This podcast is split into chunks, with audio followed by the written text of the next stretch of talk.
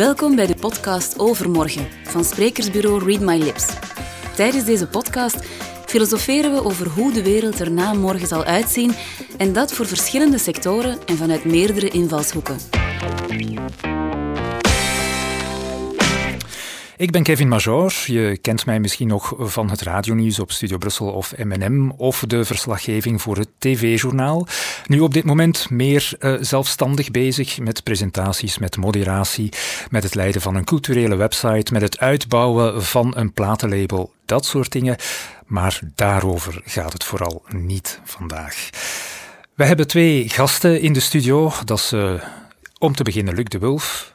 Dag Luc. Goedendag. En aan de andere kant ook Stijn Zwijns. Aangenaam, hoi. Dag Stijn. Met jullie gaan we het hebben over de jeugd, niet van tegenwoordig, maar vooral die van overmorgen. Alhoewel, ja, de jeugd van tegenwoordig heeft daar natuurlijk ook wel veel in te zeggen. Uh, maar voor we daar aan toe zijn, misschien toch voor onze luisteraars even schetsen wie jullie zijn en waarom jullie net daarover, over dat thema, ja, de geknipte gast zijn eigenlijk. Luc, laten we bij jou uh, beginnen. Wie ben jij en waarom ben je hier? Ja, ik ben Luc, ik ben uh, pedagoog van opleiding. Uh, ik heb me gespecialiseerd in een aantal stromingen, vooral in de Verenigde Staten, zoals de positieve psychologie, uh, strengths-based development of talentontwikkeling. En ik schrijf boeken over talent en burn-out. En ik begeleid heel veel mensen in het onderwijs op dat vlak, geef veel lezingen. Uh, en ik ben gefascineerd door, uh, ja, door opvoeding en hoe we jongeren kunnen helpen om, om zeker in deze periode sterker te worden. Ja. moeilijke periode inderdaad. Stijn, misschien eerst ook diezelfde vraag aan jou. Wie ben jij? Wat doe je hier? Ja, dus sommige mensen kunnen mij kennen van uh, Camp Waas, uh, waar de Special Forces groep van Defensie eigenlijk op zoek ging naar uh, burgers die dan eigenlijk de opleidingen zouden volgen voor tot SF-operator. Maar waarom ben ik hier eigenlijk?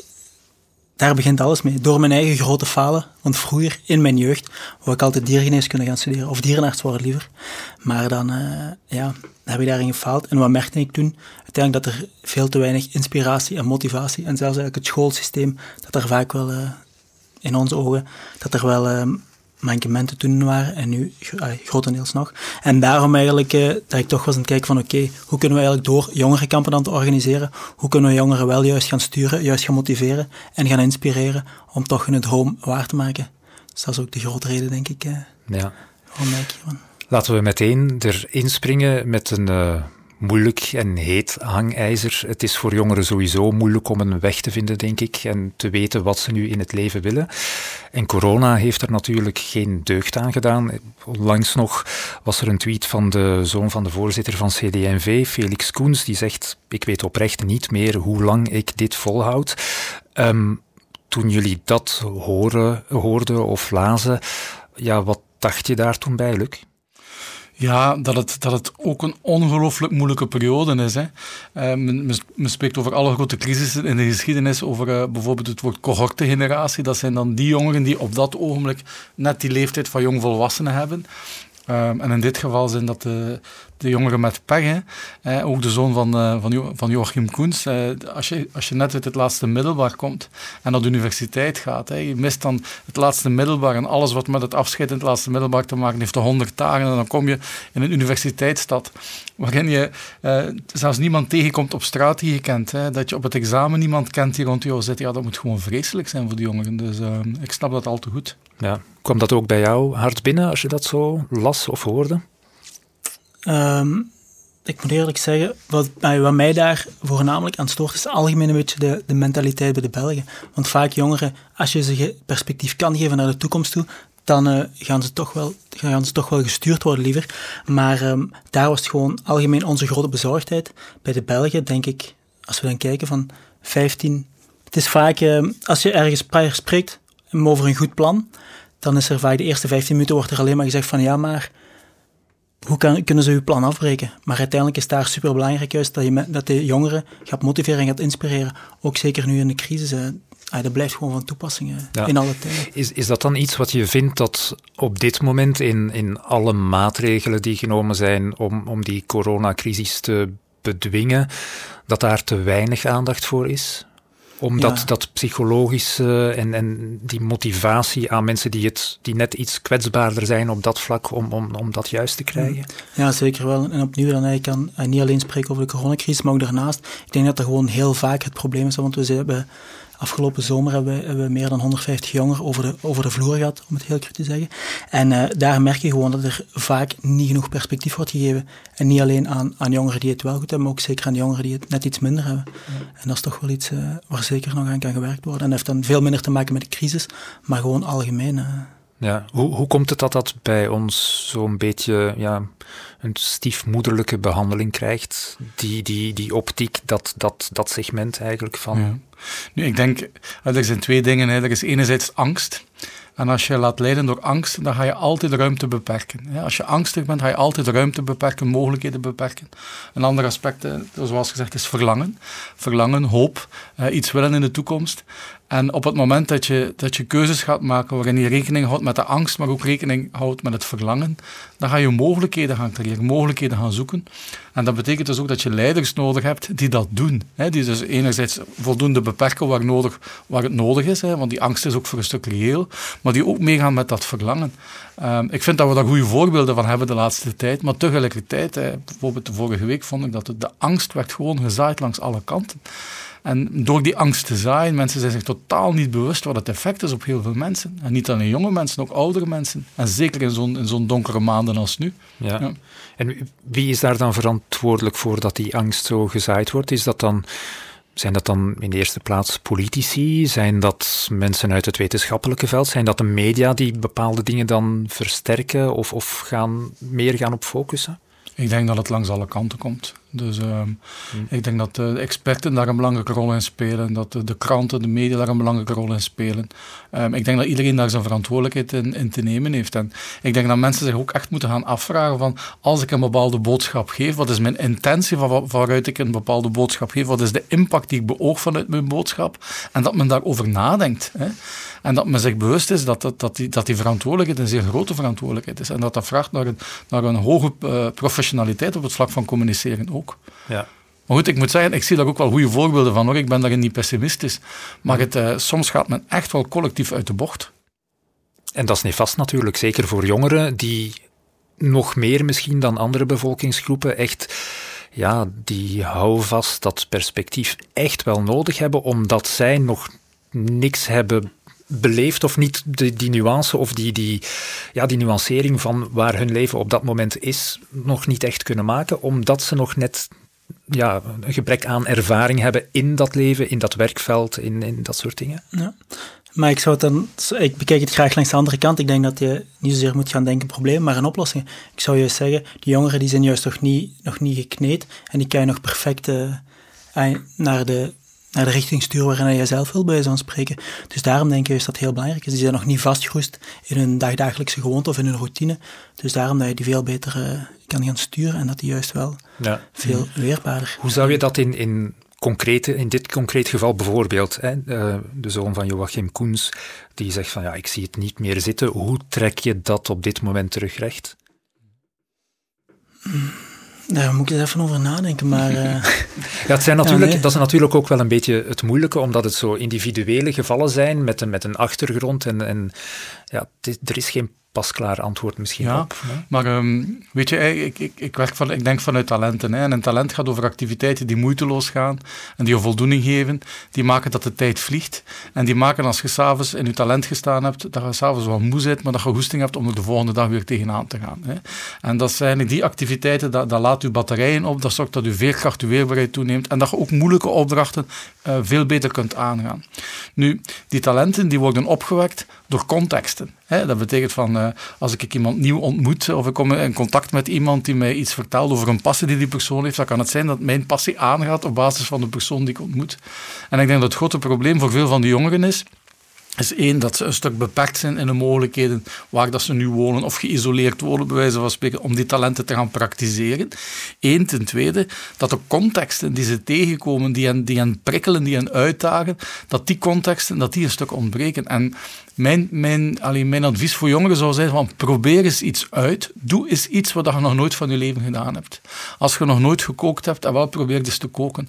Um, iemand vertelde mij, ik denk dat het ook in de media was, van um, uh, ik ben uitgenodigd geweest om een keer padel te gaan spelen. Zo'n zo sport. Ik heb dat nog nooit gedaan. Ik ga mee met een beste. Doe dat. Probeer dat uit. Als je nog nooit gemountainbiked hebt, leen eens een mountainbikefiets.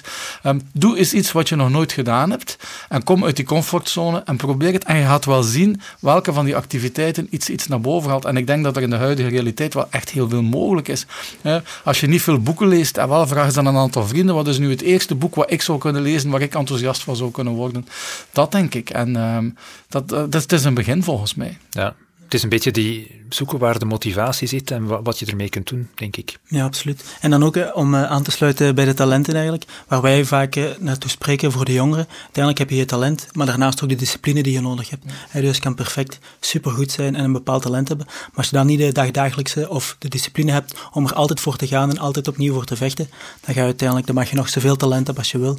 Ja. Als je er geen discipline of training aan kan toevoegen, dan, uh, ja, dan gaat je grote droom nooit kunnen uitkomen, uiteraard. Hoe, hoe, belangrijk is een leidersfiguur in dat opzicht om die jongeren mee te sleuren en mee te trekken, zodat dat talent kan ontwikkeld worden en, en dat ze er beter van worden uiteindelijk? Ja, ik denk, wij spreken vaak over twee verschillende soorten leiders. Je hebt dan echt de mensen die gaan inspireren. kan iemand zijn die ze, die ze kennen, of vaak ook iemand die, ah, die dat ze niet persoonlijk kennen, maar soort, ja, een soort van god voor hun.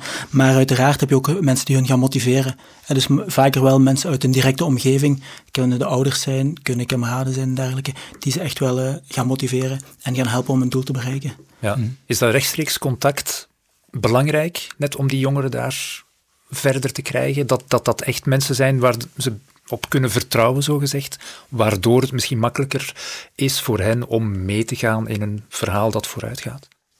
Vroeger zou ik gezegd hebben ja, maar eigenlijk door mijn ervaring, die dat ik nu door... Uiteindelijk, ik heb als SF-operator, zaten wij acht tot uh, negen maanden per jaar in het buitenland effectief. En ik was ook, ik, uh, ik was 19 jaar, dus ik kwam uh, vers van de schoolbank, om het heel cru te zeggen. En daarna ben ik eigenlijk in, mijn eerste, in mijn eerste opdracht vertrokken naar het buitenland. Ik ben toen voor vier maanden weg geweest. En de jongeren waar ik daarvoor heel veel contact mee had, die, die hoorde ik daar bijna niet. En uiteindelijk, één keer als je dan terugkomt, oké, je neemt terug met die mensen contact op. En dan heb je daar wel terug een, een echt contact mee. Maar uiteindelijk, om dan te zeggen van oké, dat zijn de mensen waar je altijd op kan rekenen, dat is ook niet waar. Dus het kan heel vaak zijn dat er jongeren zijn, zolang je, ja, wij zeggen vaak uit het oog, uit het hart. Klinkt misschien heel cru, maar ik geloof er eigenlijk wel stevast in.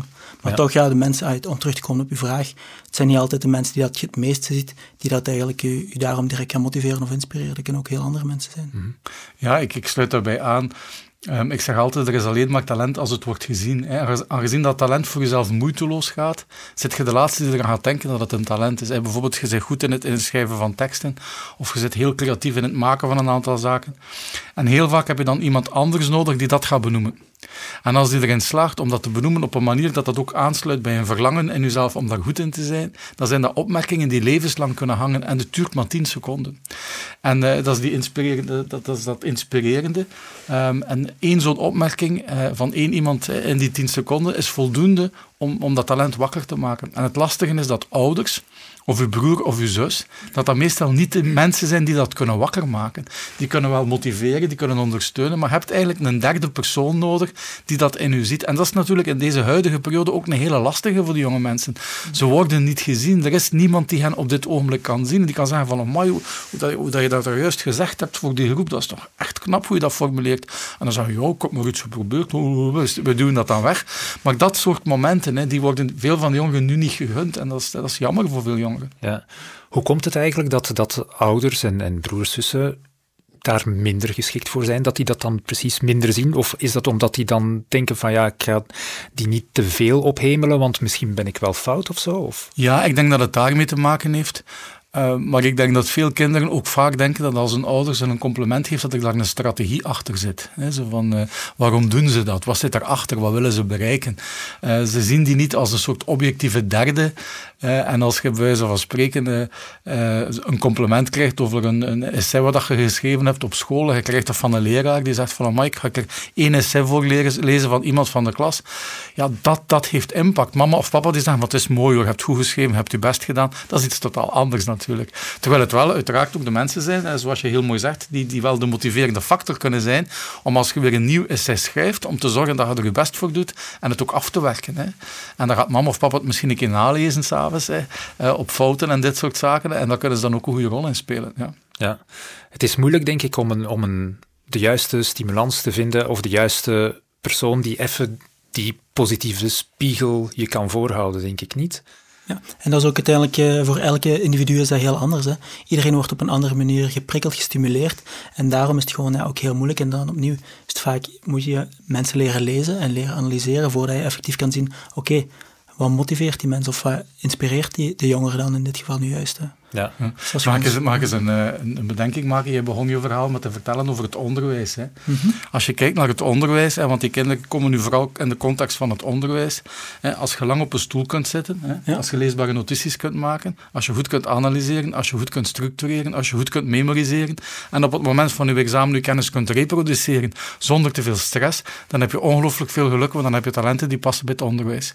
En een meerderheid van de jongeren past in het onderwijs. Maar er zijn er ook een grote hoop die daar niet in passen. En die, die kunnen dan niet lang stilzitten, of ze kunnen niet leesbaar schrijven, of ze verliezen hun schoolgerief of een opdracht, of, um, of ze kunnen niet lang luisteren naar iemand, zeker niet op een scherm. Um, en die kinderen die, die voelen zich sowieso al een beetje abnormaal. En die, die geven we ook labels, hè, want daar zijn we goed in om die kinderen labels te geven, want ze wijken af, ze hebben een stoornis. Um, maar dat betekent dat voor, heel veel kinderen, waar dat onderwijs nu de allerbelangrijkste bron is hè, van, van activiteit, ja, voor heel veel kinderen, die passen daar niet goed in. Hè. Uh, en ze krijgen dan nog eens uh, de boodschap dat ze leerachterstand hebben. en dan moeten ze bijgespijkerd worden. We hebben er allemaal woorden voor.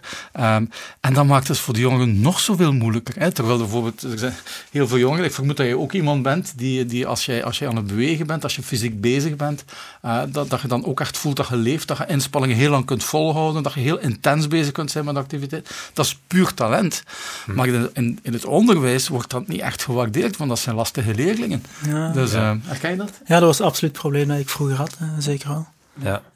En daaruit geleerd dan uiteindelijk wel, hè? want dan neem je nu wel mee naar ja, je carrière nu, of waar je nu mee bezig bent, met, met die wetenschap van oké, laat ik dat even projecteren op andere mensen en daardoor mensen ook gaan motiveren en gaan helpen. Ja, inderdaad, absoluut. Is dat echt wat we de jongeren nu willen meegeven? Uiteindelijk, want ik was in dat geval, en zoals je juist hebt aangehaald, zijn er ook nog heel veel andere jongeren die, die in hetzelfde schuitje zitten.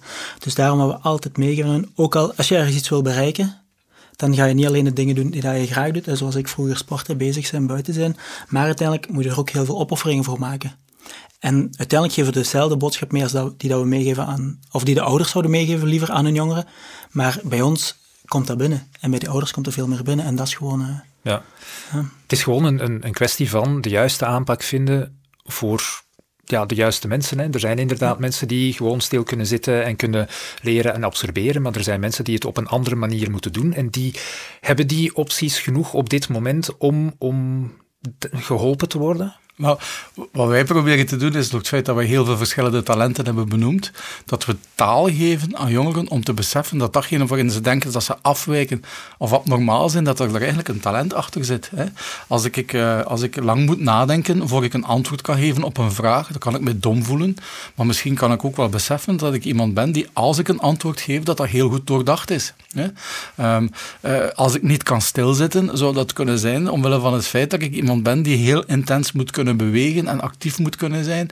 Eh, ik word misschien een uitstekende brandweerman of ik ga werken op een urgentiedienst misschien later en dat fantastisch goed doen. En het feit dat ik er nu lastig mee heb, wordt een stuk uitgelokt door de context. En dit is de onderwijscontext. En wat we veel te veel doen, is dat, dat we die onderwijscontext dominant laten zijn. En ik zeg heel vaak tegen mensen van het onderwijs is niet het leven. Hè. De kwaliteiten die je nodig hebt om het goed te doen in het onderwijs, dat zijn echt niet één op één dezelfde kwaliteiten die je nodig hebt om het goed te doen in het leven. Het helpt, het is de beste start. De beste start is het goed te doen in het onderwijs. Maar als je het daar niet goed doet, je kunt toch prachtige dingen doen in jouw leven. Dat is een belangrijke boodschap die we moeten geven aan jongeren. Ja.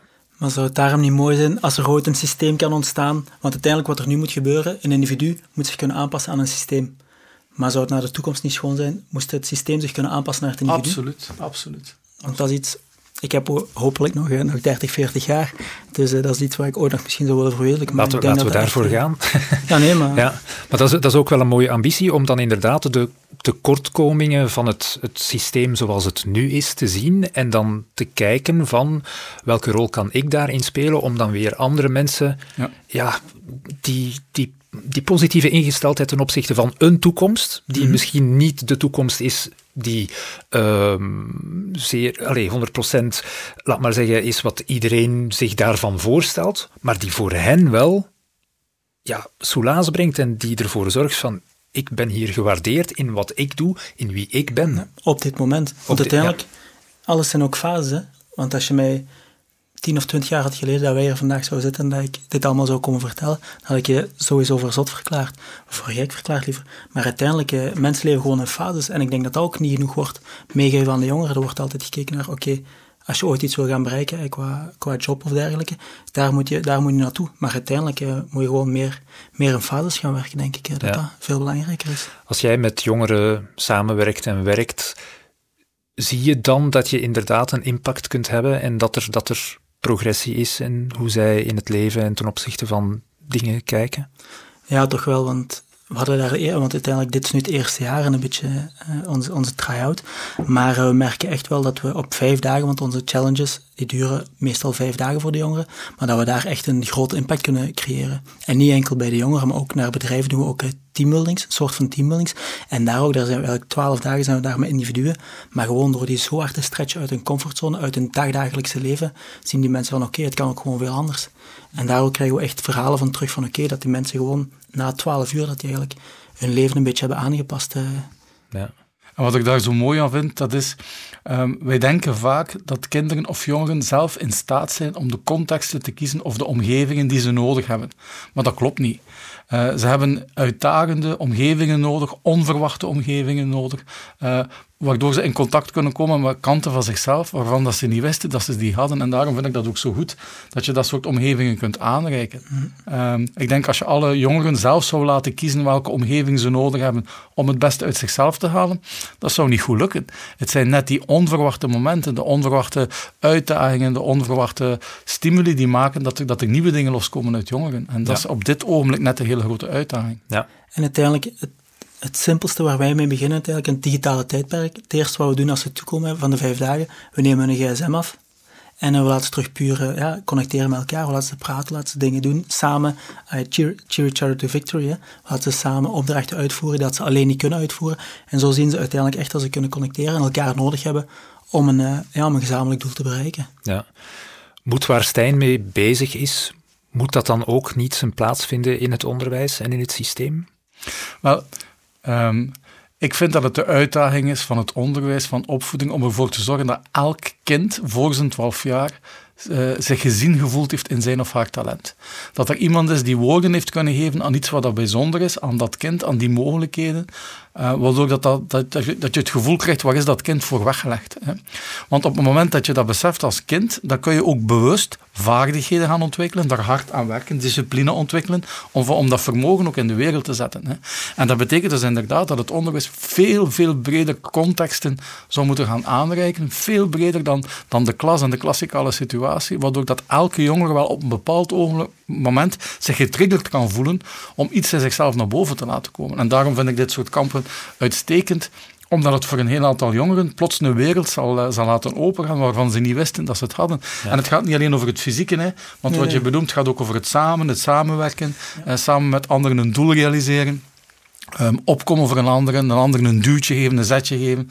Ook heel veel sociale aspecten komen aan bod. Ja. En daar ook heel belangrijk bij, voor ons dan toch, dat, ze gaan, dat we angsten aan, uh, bespreekbaar gaan maken. Want uiteindelijk, je kan jezelf maar zijn als je ook over je angsten kan spreken. Want veel jongeren of veel mensen algemeen die denken van, ja, maar SF-operatoren of Special Forces-operatoren, die kunnen alles. Dat zijn uh, maar dat is ook helemaal niet waar. Ook wij hebben onze angsten, maar wij gewoon, wij spreken daar zoveel over in het team, dat we gewoon perfect weten van oké, die mensen, of eh, die persoon is zo, de andere persoon is zo.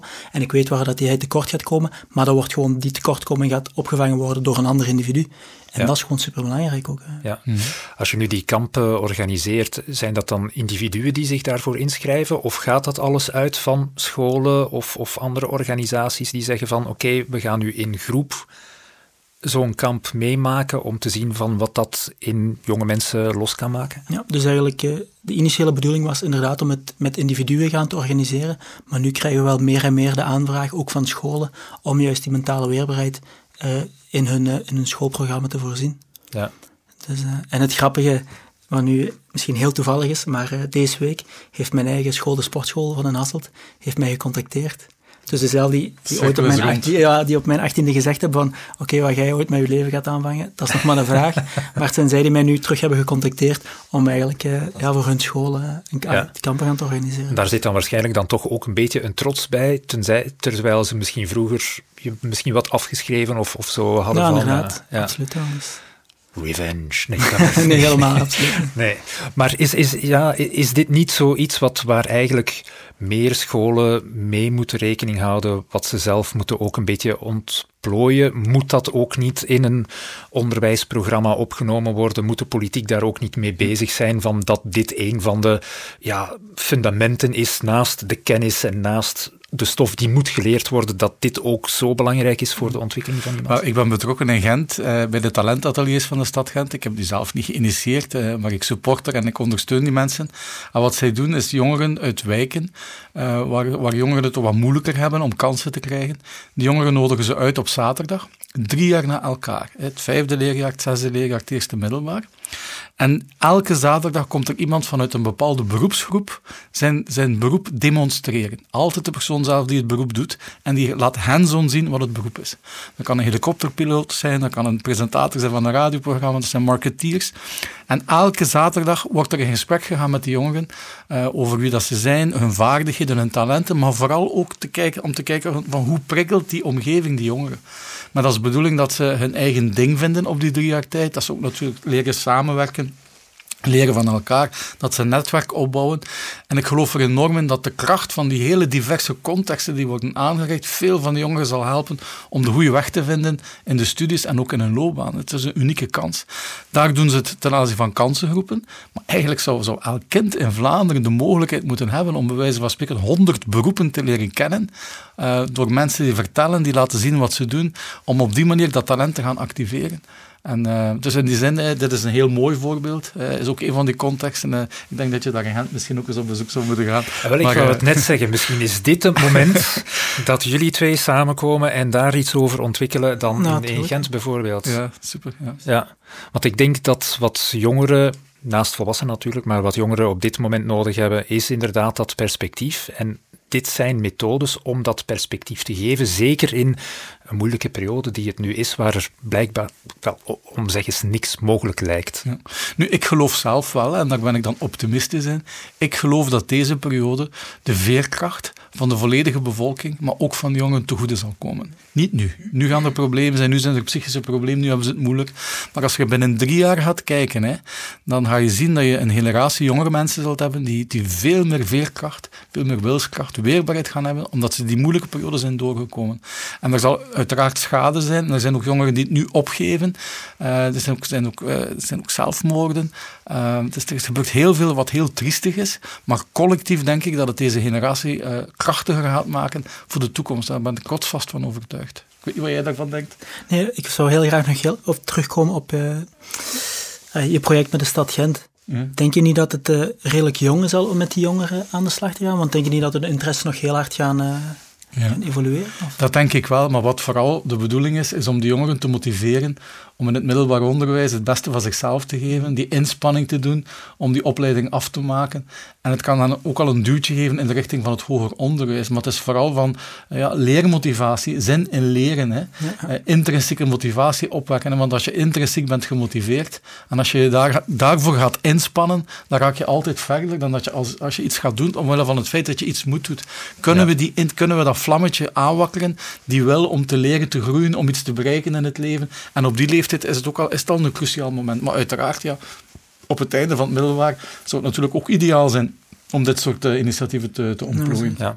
En dan inderdaad de vraag uh, van Luc aan jou, Stijn. Denk je inderdaad dat deze generatie inderdaad door wat iedereen nu meemaakt en wat zij nu meemaken, er toch weerbaarder uit zal komen binnen x aantal jaar weliswaar, als dit allemaal achter de rug is? Zeker wel, daar ben ik vast van overtuigd. En dan kan ik opnieuw denk ik uit mijn eigen ervaring spreken. We hebben ook gewoon heel veel meegemaakt. We hebben in heel veel verschillende landen, continenten gezeten. En we hebben ja, heel vaak schrijnende situaties uh, gezien. Maar dat verandert u als mens gewoon. Je wordt daar veel sterker en weerbaarder van. En wat ook heel belangrijk is, dan kun je andere dingen in, uh, in perspectief gaan plaatsen. Dus ja. op zich, uh, daar ben ik vast van overtuigd. Vind ik een heel mooie, hoopvolle noot om op af te sluiten. Luc de Wulf, Stijn Swijns, bedankt voor jullie input. was heel interessant.